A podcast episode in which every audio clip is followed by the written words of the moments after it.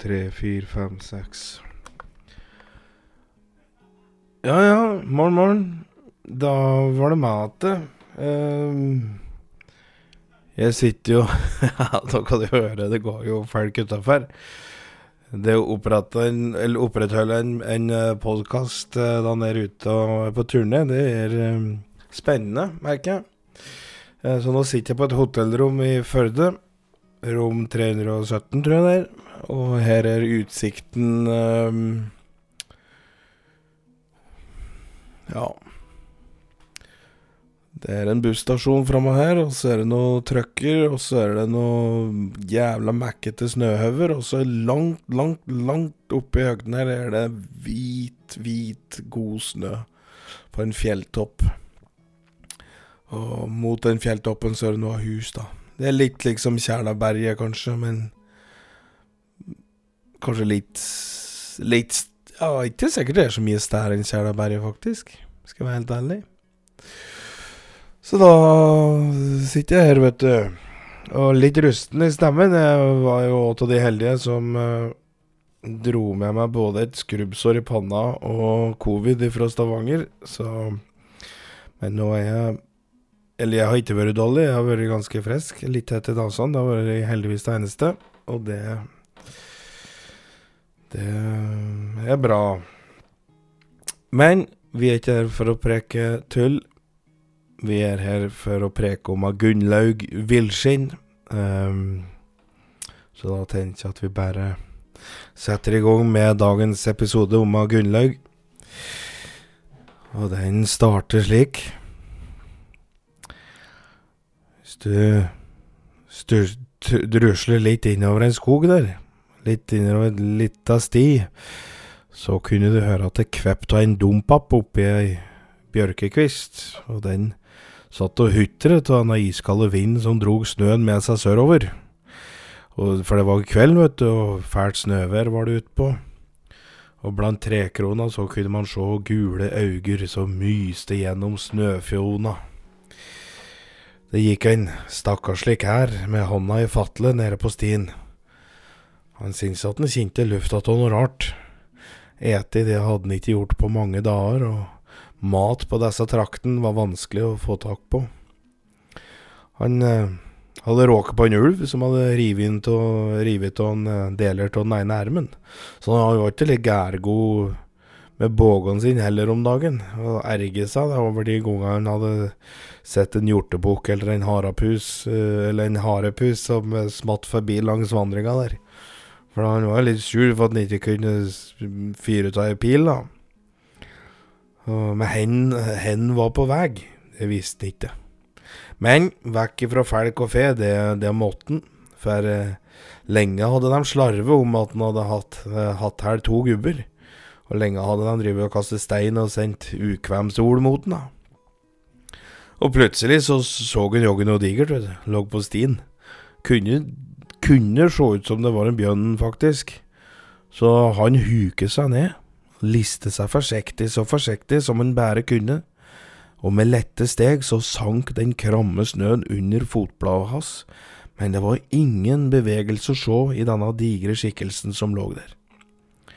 Jammen lå han med neva straka veien opp, så så han nå. Ja visst. Ja, denne bjørnen, den var joggu død. Og så var det et hestehuge som lå ved sida av. Ja, dæven. Han hadde joggu gått i ei bjørnfelle med hesteåte på, gitt. Ja. Hadde du tenkt å skjære av litt kjøtt og steke av med bjørnskinnet mitt nå? sa en stemme litt bortafor. Den usle kæren myste i merkeriet, men han så ingenting. Plutselig gikk det gneis i en stein, og en ildflamme spratt opp i en fakkel, og plutselig så så kæren at det sto en dameskikkelse på andre sida av bjønnen. Med en diger kniv i beltet, da, og ei rifle hadde i neva, den pekte rett mot den, gitt. Jeg har ikke rukket å tenke over noen ting som helst, jeg. Slik som du sniker, så må du da ha sett at jeg akkurat kom, sa kæren. Dama hadde like svart hår som ravnen og iltre øyne som gaupa. Ja da, jeg bare tuller med deg, vet du. Jeg syns litt skrøner og ugagn er litt artig, så jeg håpte egentlig at du skulle drite på deg, men det får vi ta en annen gang da, vet du, sa dama. Og kæren han sto bare og glana. Her heter du for noe? Vent litt, ikke si noe, ikke si noe. Jeg tror du heter så mye som Werner. Nei, vent, da. Vent, nei, nei. Nei, nei, nei. Du er litt for seig i håret til å være noen Werner, du. Jeg, jeg tipper at du heter Odd, jeg. Ja. Odd eller Ingebrigt. Og gubben han skvatt til, og så tok han to skritt tilbake. For hadde futen nå fælt etter den? Det var midt i blinken der, skjønner jeg, og nå tror jeg jaggu du står og driter på deg òg, jeg, gitt. Ja, dama hun lo så høgt så den tunge snøen som lå over grankvista, den datt ned i bakken. Åkken er du for ei, sa kæren. Ja, jeg heter Gunnlaug, jeg, da. Datter, datter åt Kåre Villeskinn, som du sikkert har hørt om. En riktig villmann som for rundt og gjorde mye tull, men det var med bestemor mi i Sibir. Det var med bestemor mi i Sibir for snart 100 år siden. Pappskallekaia kalte dem jo hun bestemor mi, vet du. Eh, hun døde i Sibir, i barselen. Eh, og hun døde da far min ble født, vet du. Han ble sendt med posten tilbake til Krakadalen. Men han bestefar Kåre han ville ikke ha noe med far min å gjøre, så sendte Så det var derfor han sendte han til barnehjemmet borti her. Så kom jeg til verden da, for snart 19 år siden. Rart å tenke på, gitt. Er fort tida går, gitt. Mm, men fatter han har strøket med, han, og nå, da, han, og, og nå, nå, han strøket med, da. Råker på ei, han råker på ei hulder inni skoga her, og så kåt som han var, så, så lot han seg lokke med, og huldra drog far min ned i tjernet så han sank til betten. Men eh, han rakk å sette to unger på mor mi da, før han strøyk med, så Ja, jeg har ei storesøster, vet du, og Gudveig Wilskin. Hun, eh, hun, bærer ikke det etternavnet lenger, da, for hun råker på en kær som heter Leonard. Leonard Himmelvåg. Hun likte Himmelvåg bedre, hun da, så da så da hun fylte 17 år, da sa hun til Leonard at enten fikk de gifte seg, eller så fikk han sterilisere seg. Så da ble det med giftermål. Men du, da? Her eh, heter du? Var det Odd, eller var det Ingebrigt du heter? Kæren hadde nesten satt seg ned på kne, for han var så kjet å høre på dama som drev og preket så fælt. Ja, jeg heter faktisk eh, begge deler. Odd Ingebrigt heter jeg. Å jaså, ja. Men det var så fint navn, du. Ja, det må du ta vare på. Har du noen unger, du, vel? Nei, det har ikke vært noen unge på meg, nei. Nei. Nei, det hadde for vært rart om du skulle flige rundt her i skoga tynnkledd og løin som du, om det du hadde unger ventende på deg noen sted. Så jeg er på vei eh, jeg er på vei med den første nå, jeg. Møtte en kjekkas fra Sundelin. Men han tålte ikke å bli far, eh, far han da, så han gikk og hang seg hos kua, hos kua si. Så nå trasker rundt, da. Jakter på bjørnskinn og elg, så jeg får både varme og mat og tilby ungen da den kommer. Jaså. Ja, her til kommer den, da. Nei, den kan da komme her til som helst, den nå. For, det, for det er da for tre måneder siden faren tok tauet, og det gikk da for et halvår før vi så begge to at de hadde blitt litt fyldigere rundt magen. Jeg syns, det, jeg syns jo det sperka og rørte seg der inne tidligere, men jeg, jeg trodde det var denne fæle kaffen han serverte, vet du, som drev romstert inni der, ja, men så, så feil kan man ta, vet du. ja, Karen satte seg på kne og sa Har du ei stuge i nærheten, så jeg kunne fått, fått tatt varmen i? Og fryser snart jeg, tror jeg, for jeg har trasket rundt denne fæle vinteren i tre dager, alt jeg, så Og sulten jeg òg, så om du hadde hatt en pølsesnabb eller en brødskjelk, så hadde jeg satt utrolig pris på det. Gunnlaug, hun så på Ingebrigt. Eh, drog fram kniven, og så satt hun den brått inn i bjønskrotten som lå der. Først så hjelper du meg å skjære av skinn og kjøtt av brumlebassen her, så skal jeg nok få deg varm og god sida i kveld, jeg. En Odd Ingebrigt, han gjorde som hun sa, og de satte begge i gang med å partere bjønskrotten. Tatt av skinnet og skjærte, tok han av skinnet, og så skjærte de av kjøttfileter, digre og fine. Bjønnbiff ble det vet du. Og det var ikke lange gåturen til stua, stua hennes Gunnlaug. Den hadde hun tatt over etter han kjekke gubben fra Sundlin da, som ikke ville bli far. Det var ei enkel stugu med en vedovn, to stoler og et lite bord. Og en enkel seng stående lengst inn i rommet, fylt opp med saueskinn og hei. Han Odd Ingebrigt han hadde blitt værende så lenge. Eh, så lenge at Gunnlaug hun fødte en sønn på nesten fire kilo. Han fikk navnet Hogne etter Gunnlaug sin far. Hun var så stolt og kry, og i de første månedene etter fødselen så følte hun nesten som at hun, Hogne og Odd Ingebrigt var som en uh, liten familie. Men aldri hadde Odd Ingebrigt ville gi Gunnlaug noe som helst kjærtegn eller ømhet i den grad hun mer og mer skulle ønske at den ga, da. Og Gunnlaug hun ble fort forelsket, og slik hadde jo hun vært siden hun var lita. Og da hun gikk på skolen, da var det ofte at hun hadde både sju og ni kjærester på en og samme tida. Og da de fant ut om den, ja, da sa Gunnlaug at de kunne slåss om hennes gunst. Rampegutten Lauritz Skullerud, han hadde slitne åtte poiker, han, og sto som en suveren vinner med såre knoker og blodnasa.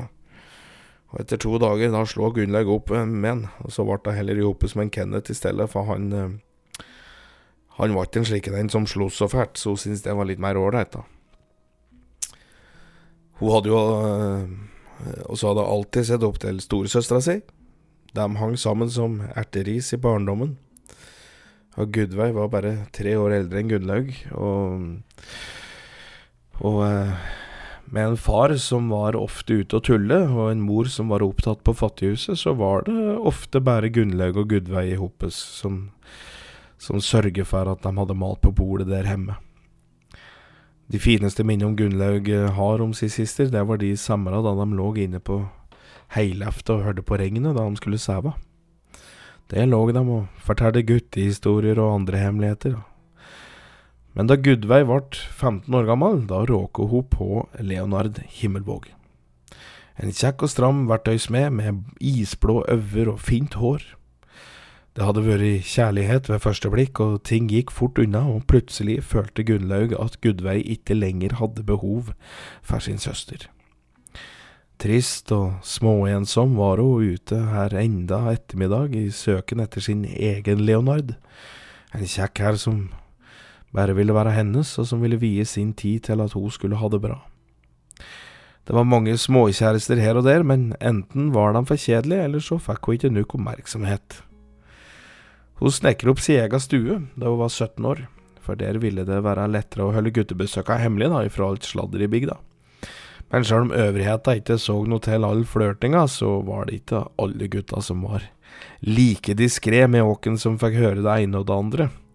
Og etter hvert, etter hvert da, så, så begynte jo rikta på, rikta på bygden å svirre om at Gunnlaug Villskinn, ja, hun var et uh, villskinn etter kæra. En skikkelig manneter. Da vesle Hogne kom, så var det jo så var det naturlig at det ikke var så mye tid til flørting, men hun prøvde så godt hun kunne på den eneste kæren hun hadde ved seg, nemlig Odd Ingebrigt. Etter mye mas så endte det med at hun fikk både kyss og klem etter, etter at Hogne hadde sovnet stille av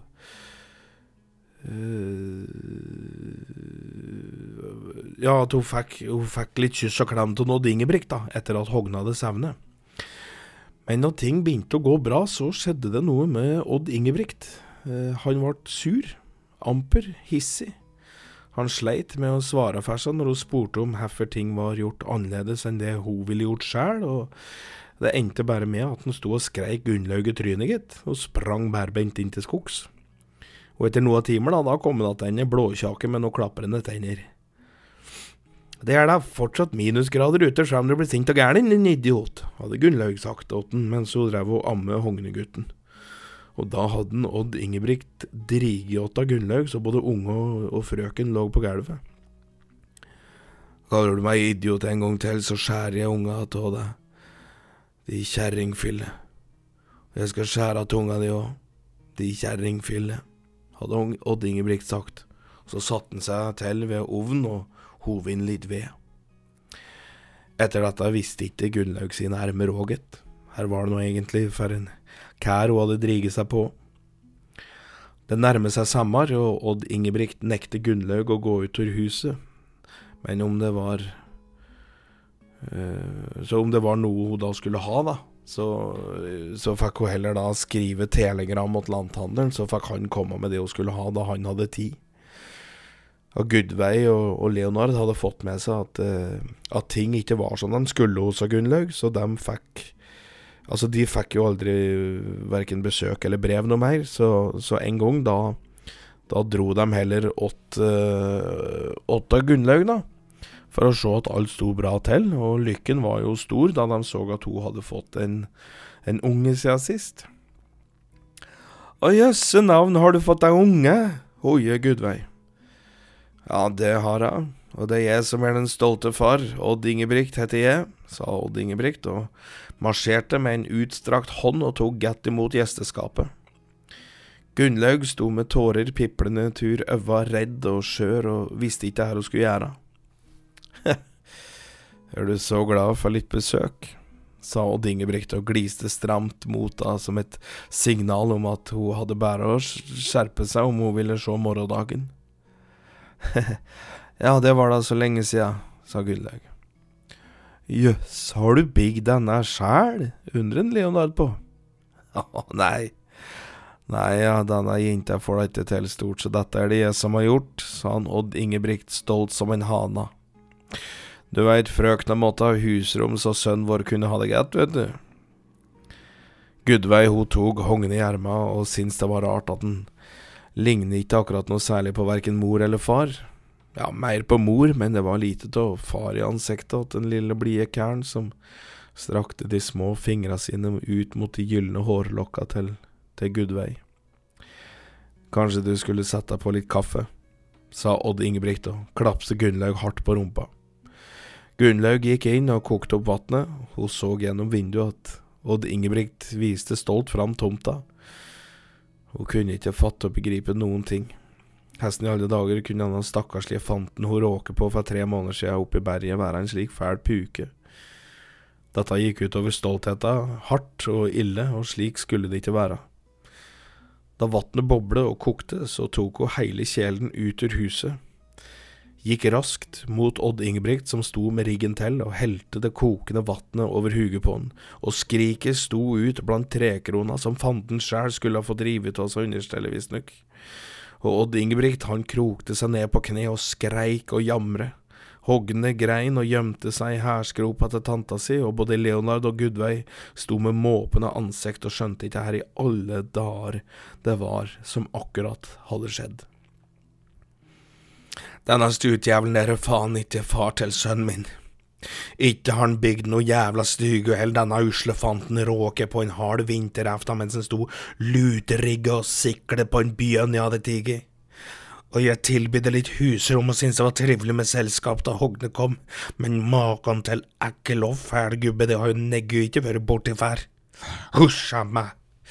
Du ser til helvete og reiser herfra, ellers så tar jeg rifla ned fra veggen og setter ei kule rett i panna på deg, din helvetes pekkoter. Og det var eh, Det var jo slutten på Dingebrikt. Og Gunnlaug hun klarte seg bra sammen med sin vesle sønn Hogne. Ifra han lærte seg å gå, så lærte hans mor eh, hesten han skulle balansere på glatte steiner ved Krakasjøen de gangene de var ute og, og plukket kreps.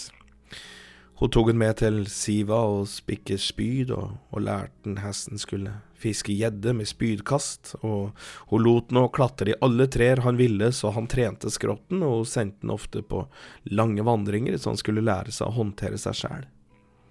Da gutten var tre år, da råkte Gunnlaug på en ni stram og gild kær, kanskje litt for muskuløs etter hennes smak, men han virket da trivelig nok, så etter at kæren hadde servert henne tre blunk og fire brennevinsuper, ja, du veit, da tok hun Gunnlaug med seg kæren hjem igjen, vet du. Det hele ble merkelig dagen derpå, når han plutselig satte seg til ved kjøkkenglasset og, og forlangte at uh, vesle Hogne skulle væske beina på han, mens Gunnlaug, vær så god, hadde å sette på kaffeåten. For han hadde en lang dag der han skulle ut og hogge tømmer dagen lang, så kaffe det måtte han ha om det var slik at han skulle få, få sin lønn til skogseieren. Gunnlaug tenkte at det var greit nok med kaffen så lenge han drog etterpå. Dog syns jo det virker rart og snodig at Hogne skulle vaske beina hans, og det syns jo Hogne òg, som bare sto midt på gulvet i en slags protest. Kom igjen da, gutt. Disse beina blir faen ikke reine av seg sjæl, vet du. Hoie kæren, da, som da hadde navnet uh, Ricky. Ricky het han. mm. Jeg kan servere kaffe, Rikke, men sitt faen ikke der og skrik åt guttungen min. Da kan du like gjerne ta det og ha det til helvete derifra, skrelte Gunnlauget fra seg. Men da for Ricky opp av stolen sin og tok fatt i nakken til Hogne og hesten opp i lufta så guttungen skreik. Dette skal jeg gjøre lettvint åt deg, kjerringfaen. Du setter på kaffen, guttungen din vasker beina mine, og så har vi en trivelig start på dagen. Ellers er det fort mulig at jeg blir nødt til å, ja, brite om nakken åt både liten og stor av huset.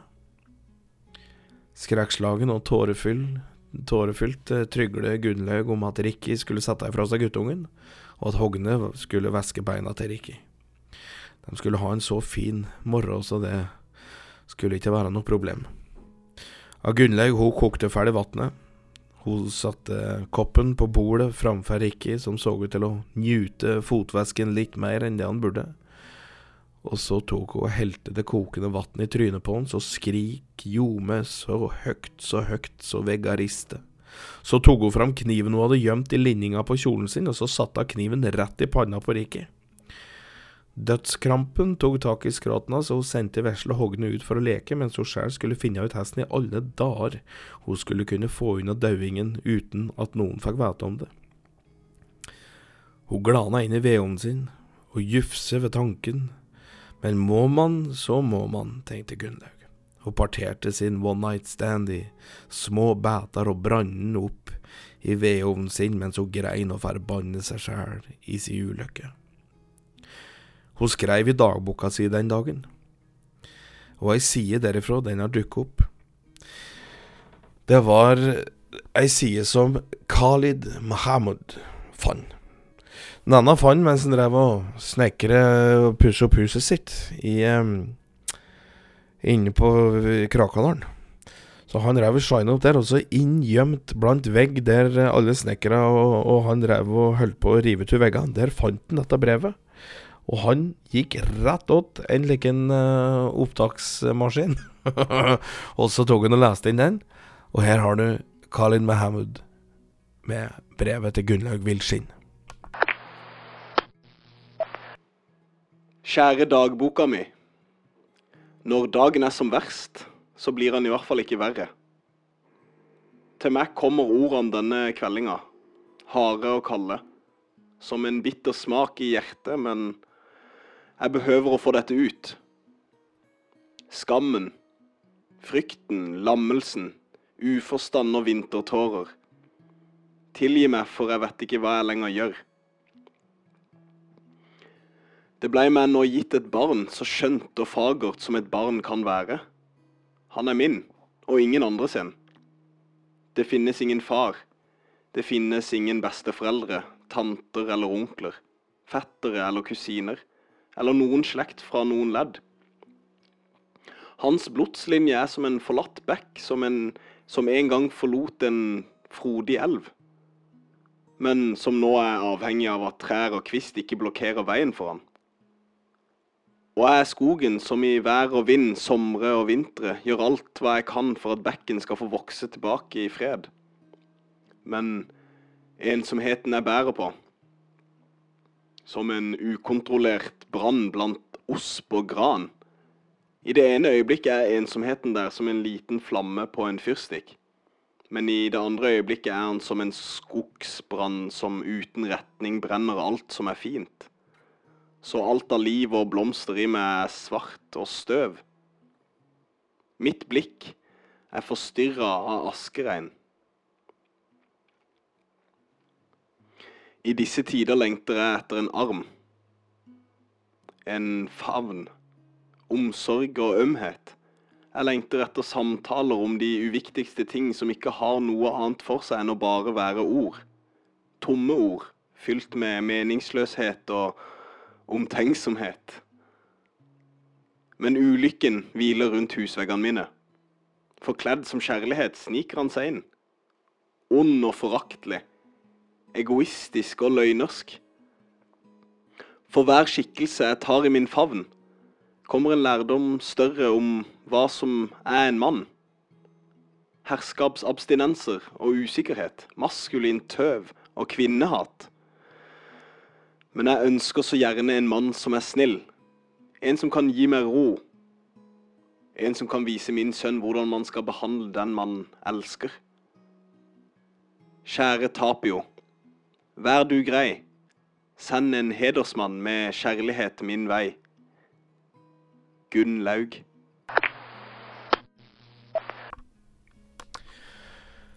En vårdag, da Gunnlaug nærmet seg 30 år og guttungen var 11, så spaserte de rundt i Krakadalen for å se bekkeløsninga omkring.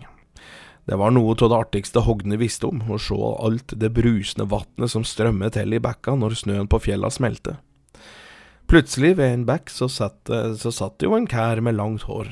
Han hadde en snurrebart og et spist skjegg som gjorde at det så ut som som at han hadde en enormt lang hake, da.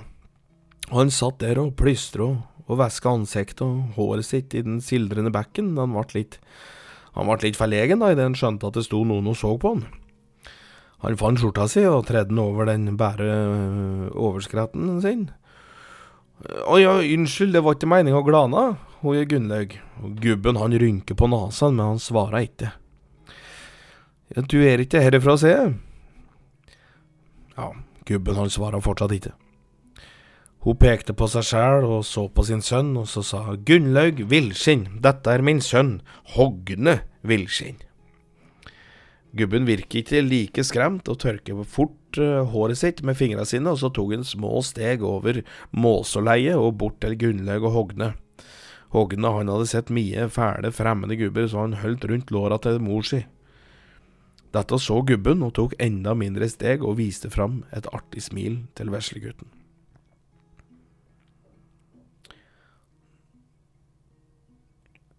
Madame. Jeg heter Jacques de Benis. Folk kaller meg bare for Monsieur Benis. Gunnlaug ble brått storøyget. Monsieur Penis. Ja, eller uh, Plippepikken, om du vil. Sandkukekusan, senior Pikkimusan, hva enn du vil. Jeg havner mange, jeg har mange, mange navn, navn du kan bruke hvilke du vil. Mm. Er det navn din mor har gitt deg, eller? Er min moder giver meg navn som bare mannemann.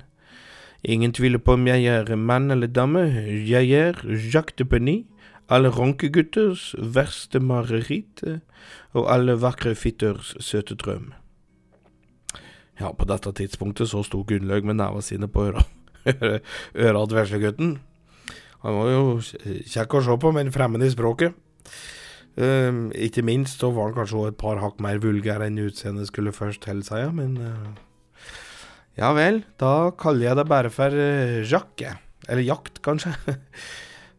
det er lettere å si, syns jeg. Og disse harde navnene dine, de tror jeg du enn så lenge skal få ha for deg sjæl, for dem uh, klinger nok ikke like pent i min munn som i din.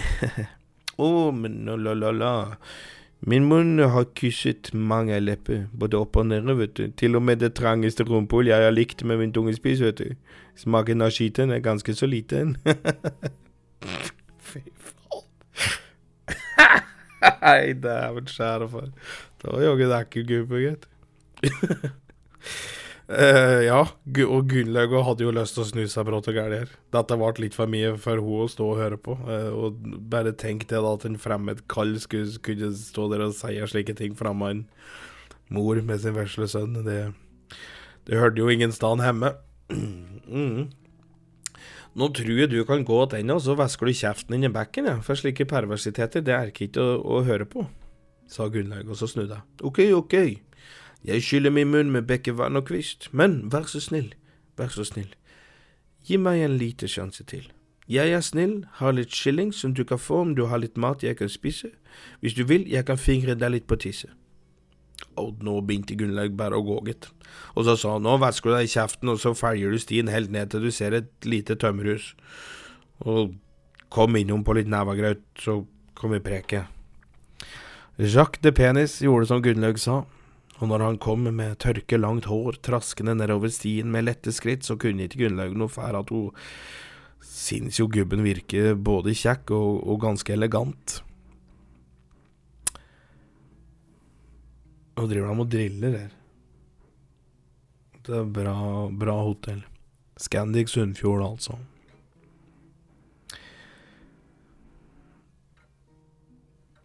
Ved middagsbordet Ved middagsbordet så kunne han fortelle at han hadde røtter fra Frankrike, men at han var en såkalt loffar, som han hadde fått høre at han var når han kom til Sverige. I Norge, som han kalte det, hadde han vært i snart et år. Han hadde bodd i et forlatt bjørnehi oppe i bergesida, levd på fisk og fasanegg. Han kunne fortelle at han òg var en såkalt prostituert, som vanligvis tilbydde seksuelle tjenester mot et måltid eller ei seng under de verste vinterkveldene.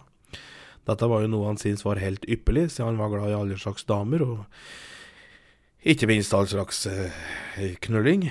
Eh, ja, å ja da. Så, og Jacques de Penis, han sjarmerte Gunnlaug Villskinn. Og han var jo òg snill kontra det de andre hun hadde hatt med seg, var, da. Og i nesten et år så var de et eh, par, helt til en dag når Gunnlaug kom hjem igjen fra revejakt. Da hun fant ei fremmed dame som hadde fått et høggermbitt liggende i senga ifra, liggende i senga deres. Og høggermen den hang i en kniv på veggen, og Jacques kunne ikke begripe hvor kvinnfolket kom ifra. Eh, Gunnlaug tok ned kniven, presset gifta til beinet til dama som offer seg, og da gifta var ute, lurte hun på om det var en morderkniv og Gunnlaug holdt i nevene. For en kniv brukt til ondt, det var ved neste handling bestemt til å gjøre bra. Hvis du skjønte, for hun brukte nå den giften til å eh, Hun brukte kniven til å få ut gifta, altså en positiv handling, og derfor spurte hun da om det var en morderkniv ettersom dette gikk bra. Gunnlaug var ikke dum. Både Jacques og kvinnfolket var like nærsne som dagen de ble født, der de drev og somle rundt og visstnok. Så, så Jacques òg var naken her, da. Ja, da var jo sviket til Gunnlaug ganske bunnløst, det skjønner jeg. De hadde jo De hadde jo pøket mens hun lå for døden, ja. Det var ganske spesielt. Ja, hun sendte jo da Jacques ut der han kom ifra. Og om han noen gang kom tilbake igjen, så skulle hun skjære av hele kukkamentet hans visstnok og henge det opp ved sida av høyermen. Uff a meg. Og så gikk det da noe år til, da. Eh, da fant Gunnlaug seg en lik her, som hun kunne være med seg på. Han heter Wilfred Isaksen. En gild og snill kær som var enkemann. Han var flink med neva og bidro i alle ledd. Han var snill, og han var tålmodig, plukket blommer til sin kjæreste her enda mandag i morgen, så når hun kom ut til frokost, da hadde han skåret opp ostebiter som lå pent dandert med blomsterkvast ved sida av. Ja, det fantes ikke et eneste vondord om Wilfred Isaksen på bygda, og Gudveig og Leonard de kom ofte på besøk, for de syntes Wilfred var så trivelig. Og han brant noe gærget brennevin som gjorde folk både glade og danseløsne, vet du. Men en som ikke var så glad for at Gunnlaug endelig hadde funnet ordentlig kjærlighet, som hun sa det sjøl, eh, det var hennes sønn Hogne. En dyster vinterkveld så kunne de høre noe som bråkte inne, inne hos kua. Men Gunnlaug og Wilfred de var godt i gang med elskov og lot uh, kua få bråke den ville kvelden. Dagen etter derimot, når Gunnlaug skulle ut for å melke kua, fant hun sin sønn Hogne henge i et rep med en liten lapp liggende på gulvet og på den lappen så sto det 'Unnskyld for at jeg ikke var nukk'. Sorgen og gleden til Gunnlaug forsvant ned i grava med hennes sønn. Onde rykter skulle òg ha det til at det var Wilfred som hadde misbrukt guttungen og dreiv han til døden, for Gunnlaug Villskinn hadde jo bare med seg fæle gubber. Kjærlighetens etterlatenskaper ifra batten til helvete, hadde hennes søster Gudveig sagt. Wilfred så tålmodig og snill Wilfred, så tålmodig og snill, hadde holdt Gunnlaug sin hånd i resten av hennes levetid. Sammen levde de i stillhet til døden banker på vindusglasset, 18 år på dagen etter at hennes sønn hadde tatt sitt liv. Det finnes ingen sang som gikk om ho Gunnlaug, for en slik dame med så mye ulykke i livet skulle ikke få sine verste minner gjenopplevd, sa de på bygda. Men så var det en sang jeg har funnet i Skårbygde sine kataloger, som eh, dessverre kan formidle litt av Hognes liv. Og den skal jeg synge for deg, men aller først så vil jeg takke for at du hørte på. Jeg beklager dette helvetes hotellbråket. Og um, jeg må selvfølgelig tusen takk til Khalid uh, Mohammed, som var med og leste brevet til Gunnlaug i dag. Og så håper jeg at alle tar vare på hverandre, er snille med hverandre, og ja, vi må eh, stå i hoppes i disse dager. Her kommer 'Jeg ber om forlatelse, mamma'.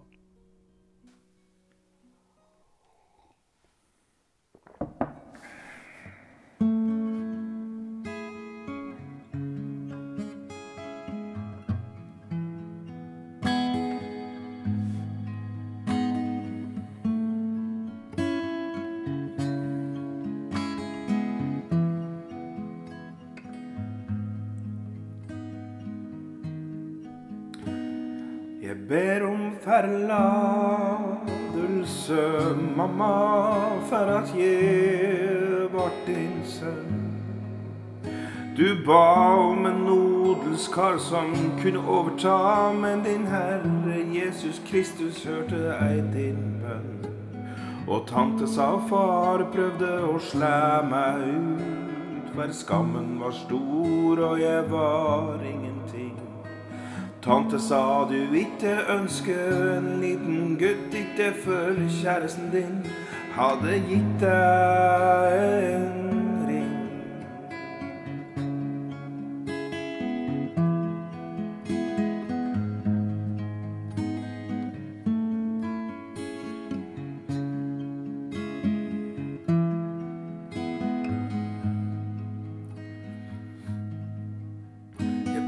forlatelse, mamma, for alle mine synder og tanker.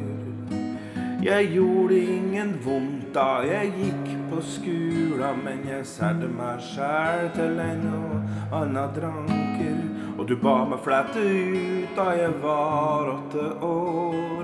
Jeg sa det var greit å pakke mine ting i ei trillebår. Og du ønsker ikke å lege mine sår, så jeg tok mine første skritt mot bedre